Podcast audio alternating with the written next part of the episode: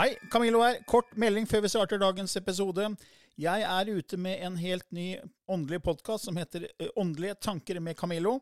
Du finner mer informasjon om den hvis du går til camilloloken.no skråstrek gratis. camilloloken.no skråstrek gratis. Der er det også overraskelser til deg som er fast lytter av mine podkaster. I'm Sandra, and I'm just the professional your small business was looking for. But you didn't hire me because you didn't use LinkedIn jobs. LinkedIn has professionals you can't find anywhere else, including those who aren't actively looking for a new job but might be open to the perfect role, like me.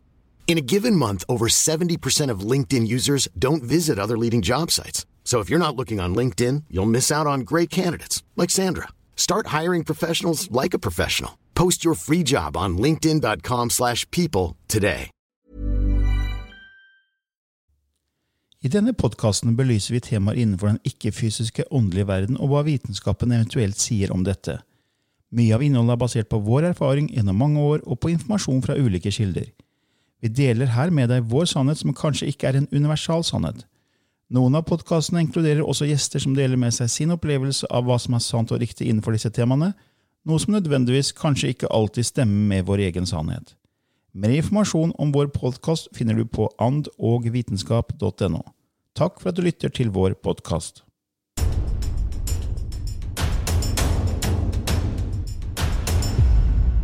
Velkommen til nok en episode i Ånd og vitenskap med Lilly Bendriss og Camillo Løken. Og I dag Lili, så skal vi jo egentlig snakke om litt forskjellige temaer. Ja, det skal vi, for vi har en gjest. Vi har en spennende gjest med oss i dag, og det er Victoria Skau. Velkommen til deg. Tusen takk. Velkommen. Kan ikke du fortelle litt om deg selv, for de som ikke kjenner til deg? Absolutt. Eh, Jeg er eh, 22 år. eh, Jobber fulltid som YouTuber og har gjort det i ca. 2 12 år. Eh, Og på kanalen min så har jeg litt av hvert, men eh, en av de største seriene på kanalen heter Du forklarlige. Som handler om alt det som er så uforklarlig her i verden. Ja, Og den serien er grunnen til at min YouTube-kanal ble så stor som den ble. Ja, Hvor mange følgere har du egentlig nå? Nå har jeg snart 100 000. Det er jo helt utrolig. Ja, så det har vært en rask vekst. Eh, og som sagt, det er Du forklarlig-serien som gjorde at kanalen min bare fikk en pangstart. Fordi at det, på to og et halvt år så er det ikke normalt å få nesten 100 000 Nei. abonnenter. nei. Eh, så det viste jo at det var en stor interesse for det temaet, og det har det jo vært for meg òg. Målet mitt var å lage det type innholdet jeg selv ville klikka meg inn på. Ja, Ja. akkurat. Og jeg har jo alltid vært så interessert i alt som er uforklarlig. Jeg har sittet og sett på Åndenes makt fra jeg var kjempeliten. Eh, og vi har hatt en åpen dialog hjemme om nettopp alt det her, da. Ja. Så det var egentlig sånn uh, ting starta med Det uforklarlige og YouTube og alt. Og det altså, ble jo en døråpner til alt mulig annet òg. Nå er jeg jo, har jeg jo skrevet en eh, bok som kom på førsteplass på bestselgerlista. Ja, Ja. gratulerer med den. Takk! ja. Hva heter den? Den heter Det beste året i ditt liv. Ja. Som handler om eh, rett og slett hvordan få det beste året i ditt liv. Den skal følge deg gjennom et helt år, gjennom tolv temaer. Eh, Så måned for måned så er det et eh, tema man skal jobbe med. Og den boka har jo blitt tatt så godt imot, og nå er jeg jo på bok nummer to. Eh, Fantastisk. Og du, og du er 22 år. Yes. Ja. Det er jo litt spennende at du sier at du vokste opp i et åpent hjem. For da, Ja. da var det på en måte åpenhet å snakke fritt om det uforklarlige. For det er jo Mm. ikke alle som opplever. Nei, det er veldig mange som eh, Altså, jeg føler at Og det har jeg fått tilbakemelding om fra følgerne mine også. At eh, nei, og jeg, jeg føler ting, er, folk er sensitive og åpne, men de tør ikke snakke høyt om det fordi at de er redd for fordommene, enten det er fra familie eller andre. Eh, men der føler jeg meg veldig heldig, som har vokst opp i et hjem hvor vi faktisk har snakka om det, og jeg har sittet hjemme med mamma på kvelden og sett på Åndenes makt. ja. Ikke sant. Ikke sant. For vi har jo snakka om det, Lille, det med Ja. å ikke, være, ikke føle seg alene. Vi har jo en egen episode som heter 'Du er aldri alene med din spirituelle tro'. Mm. For både du og jeg, Lili, har jo også opplevd det her og på en måte blitt hetsa og ledd av og latterliggjort. Ja da. Så det er jo Ja da. forståelig at folk er litt redde, men du slapp på en måte å ha det i hvert fall i hjemmet ditt. ikke sant? Så det er vel viktig å ha støttespillere. Mm, ja, absolutt. Og så begynte du da med å se Lilly på TV da, på, så i veldig ung. Hvor gammel var du når du begynte å se på Åndenes makt? Altså, jeg, jeg tror jeg alltid har sett på det. Fra første start, helt ærlig. Vi har holdt Jeg- på i 17 år. ja. Så ja, ja, jeg har alltid sett på det. Altså, jeg, og jeg var ikke redd heller, vet du. Nei. Jeg satt og fulgte så Altså, jeg var så nysgjerrig. Og det er jo det som er, jeg har alltid vært så nysgjerrig på alt det her. Eh, og føler selv at jeg har opplevd litt ting, vært sensitiv på ting, og derfor også blitt nysgjerrig, da. Eh, ikke av frykt, men rett og slett fordi at det har vært så spennende. Vil vite mer, forstå mer. Ja, trenger mer kunnskap. du hadde noen drømmer som var litt spesielle. Ja, altså Det er det som er rart, fordi fra jeg var liten, så lenge jeg kan huske, og det har også mamma fortalt meg, så har jeg alltid vært så opptatt av drømmene mine. Altså, det, altså jeg, jeg var alltid den som måtte sitte ved frokostbordet om morgenen og fortelle om drømmene mine. Og du husker de. Ja, ja, ja. Så godt. Og de var så veldig, veldig ekte. Em, og nå på en måte i senere alder, da, nå som jeg liksom kommet inn i alt dette som er uforklarlig, og begynt å få mer kunnskap, uh, så har jeg blitt mer bevisst på drømmene mine og tenkt mer over dem og prøvd å forstå dem. da. Fordi at jeg har hørt at om det er drømmer du virkelig husker, Ja. så er det en grunn til det. Ja, det er det. Em, så Men hadde du ikke en drøm også fra var det din oldefar som Jo. fortalte om hvordan det var å være på den andre sida? Jo, det var veldig spesielt, fordi at eh, jeg har opplevd flere ganger at avdøde slektninger har kommet i drømmene mine, men da har jeg ikke på en måte tenkt så mye over det. For da tenkte jeg ah, kanskje det er en drøm, hvem vet. Men den her var så veldig ekte, fordi det var rett etter oldefaren min hadde gått bort, som nå er eh, Det var i 2018. Em, og så var det vel noen uker etterpå. Uh, var veldig, veldig lei meg. Og så hadde jeg min første drøm om han etter han gikk bort. Og da husker jeg at um, han spurte hvordan det gikk, og hvordan jeg hadde det. Uh, men det jeg var opptatt av i drømmen, det var hva skjer etter døden. Ja. Så jeg, Var det du? Ja, ja, ja. Jeg, var, jeg svarte ikke på noe annet. Jeg sa du, når jeg har deg her, så må jeg spørre hva skjer etter døden.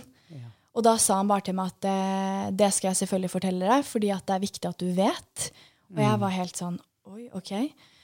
Og så fortalte han at eh, jeg er på et eh, sted hvor tid ikke eksisterer. Ja. Det er som at jeg ligger og ser opp i en evig himmel, um, og at i den virkelige verden så kan det ha gått et år, mens for meg har det gått et sekund. ja. Og at sansene hans var så skjerpa at han til og med kunne høre tåka komme. Wow. Ja, Og det var så veldig spesifikt, og jeg Ja. husker det selv så mange år etter. da, Så husker Ja. jeg det til punkt og prikke. Og når jeg våkna, så bare visste jeg at det her må jeg huske. Fordi det her var viktig, og det føltes ikke bare som en drøm, men det føltes ut som faktisk han kom og snakka til meg. Ja, men det gjorde han nok. Det, uff da. Det, det gjorde han nok. Um, fordi at de sier jo det at når vi sover, så er vi jo på en måte i astralverdenen, eller i astralkroppen vår, eller hva du nå kan si. Så, og også de drømmene man husker, de kaller jeg type profetiske drømmer, for vanligvis så glemmer, glemmer du jo med en gang du våkner drømmen. Og din evne til å huske drømmene for meg blir et veldig bevis på at eh, du kanaliserer informasjon, men at i den alderen du var, der du var, så var det lettere at det kom i drømmer. Det kunne du mer prosessere. Eller om du hadde satt deg ned og falt i transe og, og prata. Så, så som du sier selv også, Victoria, så er alt en prosess. Ikke sant? Du begynte på en viss måte. Jeg drømte også veldig mye. For jeg forsto jo ikke at eh, disse evnene lå der og venta på å bli født. og da kom de til meg eh, når det var viktige ting. Så kom de i, i drømmer som jeg husker akkurat som du. Så det er en måte for de å kommunisere på, rett og slett. Så, eh, men så vakkert, så vakkert bilde. Ja, fordi det med tid er jo spennende, for som, vi får jo mange spørsmål. Og liksom, eh, Da fikk du beskjed at det er ikke tid på den andre sida, så det oppleves annerledes. Og det har vi jo snakka med i flere podkaster, at eh, her har vi lineær tid. Men tid er jo på en måte en illusjon, fordi alt skjer samtidig. Vi er multidimensjonelle, har vi snakka mye om. Så når, når vi får kontakt med de på den andre sida, så opplever ikke de tid sånn som oss. Nei, så. Han, han, han, oldefaren opplevde at liksom 1000 år kunne være e- ett sekund, liksom. Eller motsatt. ikke sant? Og det er jo også en, et svært studie som en DMT-studie, som jeg snakka om før. Ja. At folk uh, skal få bevissthetsendring. Og så var det en lege i USA som tok et uh, sånt stoff som heter DMT, som man bruker i ayahuasca og andre ting som er naturlig i naturen. Men det kan også lages, uh, injiseres i, i kroppen. da. Så Ja. han fikk godkjent det studiet av, av myndighetene til å eksperimentere på fire-fem frivillige. Og de fortalte at de var på en reise på den andre sida i, i helt fantastiske verdener. Og de var vekk et kvarter til en halvtime, men egentlig opplevde de det som om de hadde vært vekk i 5000 år. Nei. Ja, så de hadde helt annen forståelse av tid. da. Så Ja. De følte de hadde vært vekk en evighet, og så hadde de vært vekk et kvarter, eh, 20 minutter, en halvtime. Så, så, Wow. så det med tid er veldig Vi er så låst i at det er lineær tid. Ja. Eh, Men det er jo for så vidt ikke det, det egentlig, sånn som vi ser det. da. Så på den andre sida så oppleves det helt annerledes. da. Så derfor kanskje han, du opplevde at han fortalte deg at tid var ikke det samme. Ja, og det var det jeg syntes var veldig interessant, for det er noe jeg aldri har hørt før. Jeg hadde aldri hørt, jeg hadde Verken på film eller bøker eller dokumentarer jeg hadde aldri hørt dette med at tid ikke eksisterer. ja, ok. Så det var det som fanga meg så veldig, at hvordan Ja. kan jeg ha visst? Ja. Og det er derfor jeg tenkte at derfor må det ha vært han som Ja. snakka til meg. Ja, Ja. ikke sant? Ja. Ikke sant? Så, ja, for Hele denne verden vi lever i, den fysiske verden, er veldig ekte. Men samtidig så viser jo forskerne at det mm, kanskje mest sannsynlig er et hologram og en illusjon. Du, hadde ikke du også noen drømmer om det? Du, det hadde jeg. Jeg hadde en drøm som virkelig satte en, eh, en støkk i meg. Eh, jeg hadde, og da var jeg sånn, da tenkte jeg at jeg må, må ha vært i en annen dimensjon. Jeg, må, jeg aner ikke. Men det jeg da drømte, var at eh, jeg visste jeg var død i drømmen. Jeg visste at gruppa jeg var med, var døde, de òg. Ja. Og dette stedet så ut som den virkelige verden. Ja. Så jeg husker jeg kommenterte og sa at men det er, det er jo som på jorda, på en måte. Og de bare ja, men Victoria, det er jo det. Ja. Og jeg var sånn, ah, ok. Og så går vi opp på en plattform hvor det ligger kapsler. Eh, hvor på hver av disse kapslene så står det et mission. På en måte ditt livsmission. Wow. Ja, og da, og da husker jeg at eh, vi da, for å komme tilbake til det nye livet, så skulle man legge seg i den kapselen som var ment for deg. Så husker jeg jeg ser at på kapslene så står det passion, og da skulle du ha mye passion i livet ditt, lidenskap. Eh, det var en hvor det sto genuin, og jeg husker jeg tenkte, den vil jeg ha. Jeg vil ha den som er genuin. Ja. Så husker jeg jeg går så målretta mot den, eh, og så står det guider på siden som sier at Victoria, nei, nei, nei, det er ikke din kapsel. Og jeg sier, men hva? Hæ? Men jeg vil jo ha den. Ja. Og da sier de at ja, men det kan du ikke bestemme, Victoria. Det er forutbestemt. Og så sier jeg, men ja, ok. Og så går jeg videre til persen og tenker den skal jeg ha. Og da Ja. sa de det, er ikke den heller, Victoria. Ja, men, men hva i alle dager? Og så viste de meg at dette er din kapsel. Og på den kapselen så står det øye. Wow. Og da husker jeg at jeg snudde meg rundt, og jeg skjønte jo ikke. Jeg sa øye? Hva, hæ? Hva betyr det? Og så sier guiden at Victoria, det kommer du til å finne ut av i løpet av livet ditt. Og så legger jeg meg ned i kapselen og blir dytta ut for noe som ser ut som en superbratt sklie. Og så blir det helt hvitt, og så våkner jeg. Og det husker du krystallklart. Altså. Krystallklart. Ja, det er interessant. da. Ja. Det er veldig interessant, for det, det er det, fordi det at ikke du fikk bestemme Ja, det var Ja, nettopp det, det. det har jo Lille og jeg snakka om. Det, Ja. at det, det er på en måte det høyere cellet som tar avgjørelsen på hvilken erfaring man skal i neste liv. Da. Ja, fordi at der ligger der en større forståelse av hva som er nødvendig. Og det er ikke alltid man ser selv. Nei, for det er visse erfaringer man skal igjennom, og det kan være karmiske kontrakter, ikke sant? sjelekontrakter som også spiller inn. ikke sant? Så, så det var interessant at du har en så sterk drøm som er om de temaene vi har snakka om. egentlig. Og, og øyet Og da tenker jeg på det tredje øyet, det altseende øyet. Og på en måte så er det jo der du beveger deg. At du ser, og du formidler det du ser. Ja, absolutt. Og det er jo det jeg syns har vært så interessant. At jeg tror grunnen til at jeg har blitt så fenga av alt det her, er fordi jeg har hatt så mange opplevelser selv, men kanskje ikke helt forstått det.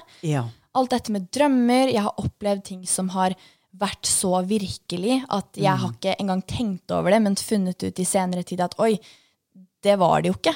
Nei. Det var noe jeg ikke kunne forklare. Ja. Um, Så er du sanndrømt, på en måte? I, altså, jeg har opplevd flere ganger at jeg har hatt drømmer, og så har det skjedd. Ja. Hvor enten folk har kommet til meg i drømmen med beskjeder, em, og gitt meg på en måte advarsler. Eh, og som sagt så har jeg vært veldig bevisst på drømmene mine, så jeg har jo lytta til det jeg har blitt fortalt. Noe som har vist seg å stemme. Ja. Som enten har skjedd noen dager etterpå eller noen uker etterpå, hvor jeg har sittet like sjokkert og vært sånn Men hvordan er det mulig? Hvordan kan mitt hode Jeg har ikke forstått det. Og nesten litt sånn undertrykt det selv og blitt litt sånn redd. Ja. Og vært sånn Men hvordan er dette mulig? Men det er jo åpenbart mulig, da. Når jeg får advarsler og drømmer om ting som faktisk skjer. ja. Men skriver du ned drømmene dine? Ja, ja, ja. Jeg har eh, En drømmedagbok, eller? ja, nesten, altså. I Ja, er hvert fall de som virkelig skiller seg ut. Ja. Fordi jeg også har jo drømmer som ikke som er helt uviktig, og netter jeg våkner og ikke Ja. husker hva jeg har drømt. Men det er de der som virkelig stikker seg Mm. ut, som jeg føler har en betydning og en mening. Som jeg velger å skrive ned for å huske de. Og altså, iblant trenger jeg ikke engang å skrive de ned, fordi de sitter støkk i Det er hodet som mitt. fast. Ja, ja. Men det er interessant å gå tilbake, da, la oss si etter ti år, og så gå tilbake og så se de forskjellige drømmene man har fått uh, frem igjennom. Så um, der er nok en stor, åpen kanal som uh, jeg tenker også blir mer tilgjengelig i våken tilstand. Ja. Men er det sånn at du kan våkne på natta og skrive ned drømmen, eller er det alltid på morgenen? For det er sikkert mange som lurer på det, for vi får veldig mange spørsmål om det med drømmer. Eh, både hva drømmene betyr, men sånn generelt så skal man skrive ned drømmene sine. ikke sant? Ja, du du har jo lang erfaring med det. Ja. Har du gjort det hele livet, på en måte? Altså Helt siden du var lita jente? ja. Ja. Det har jeg, og jeg har alltid som sagt sittet og fortalt, fortalt og fortalt om drømmene mine. Og eh, altså Det er flere ganger jeg våkner opp på natta og som sagt skriver de ned eh, på natta. Men altså de aller viktigste drømmene trenger jeg ikke å skrive ned. Ja, det er husker jeg for ti altså Ja. Jeg kan ha drømt de for ti år siden, jeg husker de like godt. For det er veldig, veldig interessant, fordi David Wilcock, som, som jeg refererte noen ganger i podkasten, han er jo en, han er jo ganske kjent i USA. Han, er jo, han begynte å skrive ned drømmene sine som student.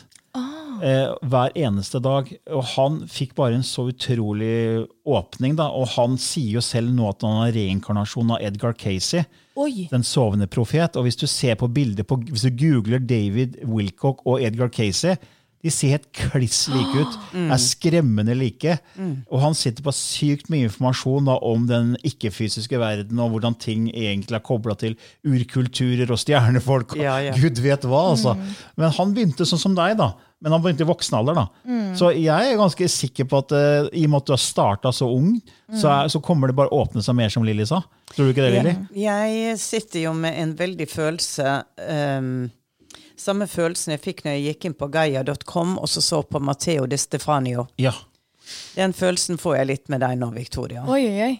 Så for de som går inn og googler Matteo de Stefanio, og han har da jeg tror han har en 20-30 videoer da. På gaia.com, Gaia På gaia.com, hvor han forklarer at for han var tre år gammel, så sto der beings i rommet og fortalte han ting. Han så de fysisk. Mens når han var vel en 12-13, så sa de nå, får du ikke, nå kan du ikke se oss lenger. Nå vil vi bare kommunisere med deg. Og forteller da han om livet han har hatt på Sirius, eh, i Atlantis, og at han har kommet da denne gangen for å hjelpe mennesker forstå hvem de egentlig er, hvor de kommer fra. Forteller om kjempene som kom til jorda, Lemurians, Atlantians og de forskjellige tinga de kom for å gjøre. Og hvor vi er nå, hva vi beveger oss mot, og de forskjellige dimensjonene som vi arbeider med. Fantastisk. Og han er 22 år. Helt Oi. fantastisk informasjon. Og Ja. han sier han ble født med full hukommelse av hele skapelsen. Altså han har tilgang til det vi kaller det kosmiske bibliotek. Vi hadde en episode på det at alt vi mennesker erfarer, lagres i en form for arkiv. Ja. Som det kalles det arkasiske arkiv, som kan oversettes med det kosmiske bibliotek. Og Han sier han har full tilgang til det, da, og han sier at alle mennesker har det. Men man må åpne opp for å få tilgang, og, da, og han åpna jo opp, han var jo åpen fra han ble født. Ja. Mens eh, sånn som David Wilcock åpna opp i voksen alder, og som Lilly sier, i og med at du er så utrolig sterk på det med drømmer, og du får klare drømmer, og de fester seg veldig For de fleste husker jo nesten aldri drømmene sine. De, de kan he- glimtvis. Mm. Uh, og på morgenen når man er i alfa hjernebølger, før man går helt våken, så, så husker man seg Ja, det virker jo liksom logisk, og så fader away, og så er det helt ulogisk, og så forsvinner det helt. Så, så det at du er så sterk i, de, i, i drømmetydningen og drømmeforståelsen, er, er nok, ligger nok i kortet av en del av jobben din på jord, altså at du skal åpne opp mer og mer. Det er jeg, jeg er ganske spennende. sikker på det. Ja. Jeg tror ikke du hadde begynt med, med, med en YouTube-kanal om du forklarer. Og, og vi kan jo også si at det er det, det, du, Lilly, og Victoria, dere har jo nå et samarbeid som Ja. Skal ikke si så mye mer, men det kommer noe spennende med Victoria og Lilly om ikke altfor lenge. Til høsten. Til høsten kommer noe spennende. Så det skjer jo mye spirituelt spennende med deg. Men så har du jo 100 000 følgere, og du får sikkert mange spørsmål, du også. Ja, veldig. Så det er litt interessant å høre hva de spør om når du kommer med videoer om det uforklarlige. Ja, sant. Altså, jeg får jo spørsmål om absolutt alt, og det jeg tror Fordi i videoene mine så tar jeg for meg eh, egentlig mye av det dere tar for dere her i podkasten. Forskjellige temaer jeg snakker om. Jeg drar til ulike hjemsøkte steder. Eh, sånne ting. Men det jeg tror jeg ikke har snakka så mye om, er på en måte alle tingene jeg selv har opplevd. Ja. Eh, Så folk spør jo mer generelt og om tidligere liv. Det er folk veldig opptatt av. Ja. Em, og syns er veldig spennende. Um, og det er uh, mye om liksom, det paranormale, hjemsøkte. uh, hvordan vite om man er åpen. Uh, flere som har spørsmål om det. Og det jeg syns Ja. er gøy med det uforklarlige, er at jeg har fanga en veldig bred målgruppe, og det viser Ja. at det her er en interesse for så mange. Det er alt fra barn nede i tiårsalderen til eh, Altså, jeg har fått meldinger fra damer på 40 som syns det er så spennende. Så det viser jo at det er interessant. Men, men som sagt, en ting jeg ikke har snakka så mye om, er tingene jeg selv har opplevd. Eh, fordi fra jeg var liten, og grunnen til at jeg sikkert har peila meg denne veien, er jo fordi jeg har opplevd så mye som det jeg har, Ja. eh, uten å ha forstått det. Em, og mange kan jo bli redde, sånn som følgerne mine også, som har opplevd ting. Eh, skjønner det jo ikke selv. Nei. Og blir jo forvirra, og er det noe galt med meg? Altså, eh, og det husker jeg også, at jeg ble bare veldig redd. Em, for jeg har jo opplevd også Altså, fra jeg var Det mamma har fortalt meg, fra jeg var eh, to år, så fortalte jeg alltid om en dame som alltid var med meg. Ja. Alltid. ja. Eh, som alltid var der på altså det, Dagtid, natta, overalt. Uansett hvor vi var, så var hun med meg. Ja. Det fortalte jeg alltid om. Og på et punkt så ble det så pågående og så ille at eh, altså både mamma og pappa, som ikke så noe eller visste noe, var sånn 'nå må du gå'. Fordi at jeg ble så redd. Og hun dama var med meg i flere år. ja. Men eh, du var redd henne? Ja, jeg var redd henne til Ja. slutt, fordi at hun hadde vært så pågående og vært der i flere år, og jeg Ja. så hun alltid. Ja. Um, og det som er så rart med det, er at det her har jo blitt gjenfortalt av mamma og pappa, men når jeg lukker øynene, så får jeg opp et bilde i hodet. Ja. Hvordan ser det ut? Hun er Hun har grått, kort hår. Mm. Eh, kledd gammelt. Ikke en kvinne jeg kjenner igjen av noe familie eller sånne ting. Hun er en fremmed. Ja. Veldig lyse øyne. Eh, hun har markante kinnbein. Det er veldig klart fremdeles. Eh, og det er det som er så rart med det, at jeg kan huske altså, Jeg har blitt gjenfortalt det, men noe inni meg husker hun fremdeles. Som er veldig rart. Og sånne hendelser har jeg fra det punktet. Altså, jeg husker spesielt på barneskolen så hadde jeg flere opplevelser, som jeg sa, eh, som virka så ekte at jeg trodde det var ekte. Jeg Ja. skjønte ikke at det var på den andre siden, på en Nei. måte. Riktig. Eh, hvor det var en eh, dame som eh, hysja på meg ut av et vindu. Okay. Og jeg sto med en venninne, og vi hadde ledd litt og prata og lo. Og jeg var sånn unnskyld, unnskyld. Så på henne og sa unnskyld. Ehm, kommer inn til venninna mi, fordi dette var i huset til min venninne. Mm. hun hadde fortalt meg at hun hadde besøk den dagen, så jeg var jo 100% sikker på at dette var besøket. Ja. Så jeg var sånn unnskyld, unnskyld, vi skal være stille. Ja. Sa beklaga meg. Så kommer jeg inn, og der sitter jo besøket, men det er jo ikke hun. Nei. Og så snur jeg meg rundt til venninna bare Men hvem er hun i andre etasje da?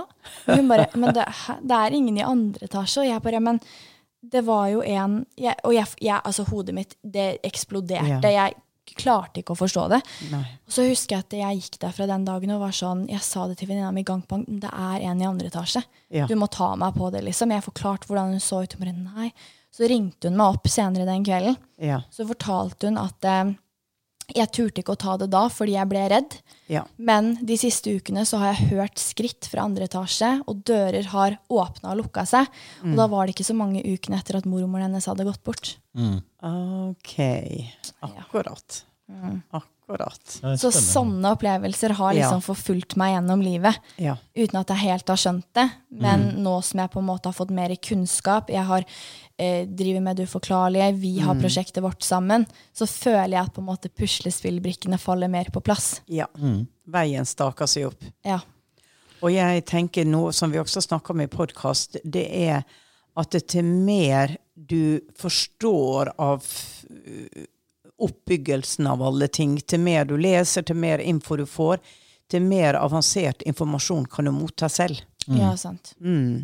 Så, og det var jo sånn som når jeg lytta til uh, Stefanio, da, Ja. så har nok ikke han lest noe, han har fått det direkte. Riktig, ja. Og, og det var som uh, Casey, den sovende profeten, er det enkelte mennesker som er helt unike og spesielle på den måten, og de kommer for å skape noe på planeten. Det, det er helt klart. Og så er her da de som er i forskjellige andre sjikter, som mottar informasjon som er verdifull. Og jeg tenker at det, det som ligger nærmest, da, er jo liksom fascinasjonen med at hva skjer når vi dør. Og åndenes makt har jo fenga så veldig mange, fordi at det er noe alle er opptatt av. Så det er jo en innfallsportal til å på en måte begynne å tenke, da. Er det mulig? Begynne å lese bøker. ikke sant? Det er en pådriver for bevissthet. Eh, for når du leser den boka, så plutselig leser du en litt mer avansert bok igjen, og så er her jo nå en eh, Det er jo så mange bøker i, i, eh, om disse forskjellige temaene. Fra de enkleste, nydelige beretningene til mer komplekse ting. Som Adrian Cooper, som vi har henvist til i en annen episode. Og Ja, så er det også de som har veldig behov for sånn som meg, da, eh, for å se om det er forskning. ja. Eh, Fordi Vi har jo kalt den podkasten for Ånd og vitenskap. og Jeg prøver å se om det fins vitenskapelige forklaringer på ting. fordi jeg var jo som sagt ateist i, i 40 år. Vokste opp i en ateistisk familie, legefamilie, og jobba i legemiddelbransjen. Så, og det å gå og slutte i den jobben og begynne å jobbe med Lilly Bendriss, det var et rimelig stort skritt. Eh, Men jeg hadde jo mentalt forberedt meg på det og liksom holdt på i tre år alene og åpne opp. Men jeg måtte prøve å finne forskning. Da, og Kvantifysikken, der er mye spennende som skjer. og det er mange åpne forskere som snakker egentlig ikke om Gud og kilden, sånn, men de snakker om på en måte den ikke-fysiske verden. snakker om det intangible, det usynlige. De snakker om at eh, det er et selvorganiserende system, hele universet, som reagerer på energier, frekvenser, vibrasjoner. De snakker om, eh, på en måte, bruker andre begrep da, enn det tradisjonelle, kanskje. Så da, da blir det ikke så svevende. Mm. Fordi det kan fort bli svevende. Så tenker jeg, hvor, hvor opptatt har du vært av at det skal være vitenskap, at du skal kunne forstå det vitenskapelige også? Har det vært viktig for deg? Du, jeg har tenkt mye på det, fordi som sagt så var jo jeg på et punkt hvor jeg var veldig sånn, jeg var forvirra, jeg var redd. Jeg var sånn Det må da finnes noen logisk forklaring på det her. Eh, og satt meg litt inn i ting. Men så eh, har jeg jo fått mye kunnskap. Jeg har lest mye. Jeg har ehm, Som sagt, jeg er jo veldig opptatt av selvutvikling. Den første Ja. boka mi handler om ja, selvutvikling. ikke sant? Og igjen, der kommer vi jo inn på universet, The Ja. Secret, eh, Law of Attraction. Ja. Det er noe som alltid har fenga meg. Og alt dette med vibrasjoner og det du sender ut, det får du tilbake. Så jeg har vært veldig interessert i det og lest uendelig med bøker. Så jeg prøver jo også å få inn dette litt da, i det jeg er så interessert i fra før. Ja, for det er, det er mange som føler at det, de sitter litt på gjerdet og er kanskje interessert i de temaene vi tar opp, men vi tar jo veldig mange kontroversielle og, Ja. og abstrakte tema. da. Ja. Og det er jo ikke lett å finne liksom, forskning på alt det vi snakker om. sånn som vi, vi skal jo ha en episode om astralverden, og det, det er jo veldig abstrakt. Eh, ikke sant? Så det å si at det, det fins en verden du kommer til når du dør, og så skal liksom, hvordan skal du forske på det? Hvordan skal du forske på det, ja? Men, men det er i hvert fall, vi tar med det vi kan ta med i den podkasten. Og derfor liksom, få liksom den, den biten der på plass òg, så, så sant det er mulig. Og det har vi jo hatt eh, episoder med nærdøden-opplevelser. Der er det jo mange forskere Ja. som har forska mye. Spennende forskning som til og med har kommet ut i anerkjent tidsskrift som The Lancet. Eh, van, eh, Pommel, van Pommel, en nederlandsk kardiolog. Svært medisinsk studie på nærdøden-opplevelser. Eh, Du har reinkarnasjonsstudie i 40 år fra Ian Stevenson, fra, fra amerikaner. Ikke sant? Så det, det fins jo studier på det, de temaene vi tar opp, noen av de. Ja, sant. Men ikke sant? med drømmer, da. altså Der er det mange som sier at det er jo bare fantasien. Det er bare hjernen som på en måte lufter ut hver natt. på en måte. Så, men for deg så har det jo vært veldig konkret. Veldig. Og du skriver dem ned, og så har du også sett at det har skjedd på en måte det du har drømt, etterpå. Absolutt. Og dette med på en måte de sanne drømmene mine, hvor jeg har fått advarsler og hvor ting har skjedd, så har det vært så spesifikt og konkret. Altså, det er ikke Det kunne ikke ha vært hva som Nei. helst. Når noen Nei. kommer til meg og sier så spesifikke beskjeder. Um, en av de, for eksempel, var um, Jeg hadde ikke hatt kontakt med Det var en uh, gammel venninne som jeg ikke hadde hatt kontakt med på så lang tid. Eh, som i drømmen min plutselig kommer til meg og sier at Victoria, nå trenger jeg deg. Eh, du er den eneste som forstår vår eh, familie, som kjenner min familie. Eh, og kan forstå denne situasjonen også, fordi at nå går ikke ting bra på familiefronten. Eh, og da husker jeg at jeg våkna opp og var veldig sånn Hæ? Jeg hadde et fantastisk forhold med hennes familie. Eh, og ingenting var galt i familien på noen som helst måte sist jeg hadde hatt kontakt med henne. Og den dagen så får jeg en melding hvor hun skriver til meg Jeg vet det er lenge siden, men vi må ringes hjem og prate med deg. Og da forteller hun at foreldrene skal skille seg. Ja. Akkurat. Dagen etter, Ja. altså. Ja. ja. Og da fikk jeg helt frysninger og var sånn «Eh, Hvordan er det mulig? Så du har fått mange bekreftelser egentlig opp gjennom åra, og det er jo Ja. det, det du kaller eh, intuitiv viten, Lilly. Klarviten, ikke sant? ja. Det er en Ja. av disse evnene vi skriver om i vår bok eh, Du er klarsynt. Og det, den evnen fikk jo du når du åpna opp. Ja. Og du bare vet ting. Ja.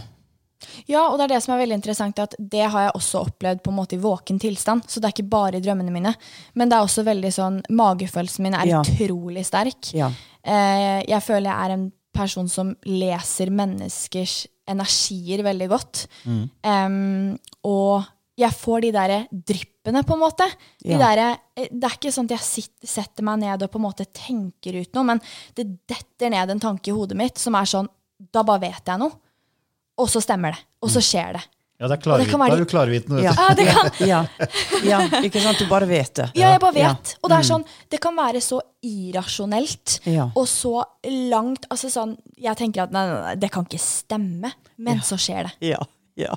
Altså. Hvordan er det mulig? Og det er litt sånn, for Du sa du fikk jo det med, med, med livsoppgave, eller eh, oppgave var øye. Ja, Ikke i den. Klarsynt, og som er eh, Ja, intuitiv ja, ja. viten. og Alt det henger jo Ja, sammen. ja. ikke sant? Ja. Å få vite, så dette var en utviklingsvei eh, for deg, føler i hvert fall jeg, Victoria. At du er på en reise som har bare tatt av. Altså ekspresstog istedenfor uh, tuk-tuk-toget.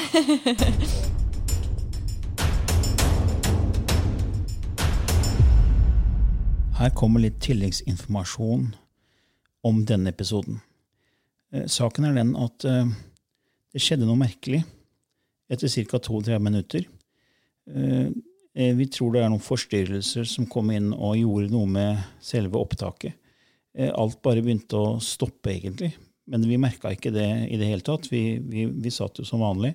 Men når vi skulle sjekke lydfilene og gjøre ferdig denne episoden for å legge den ut, så stoppet alt og begynte å skurre etter ca. 32 minutter.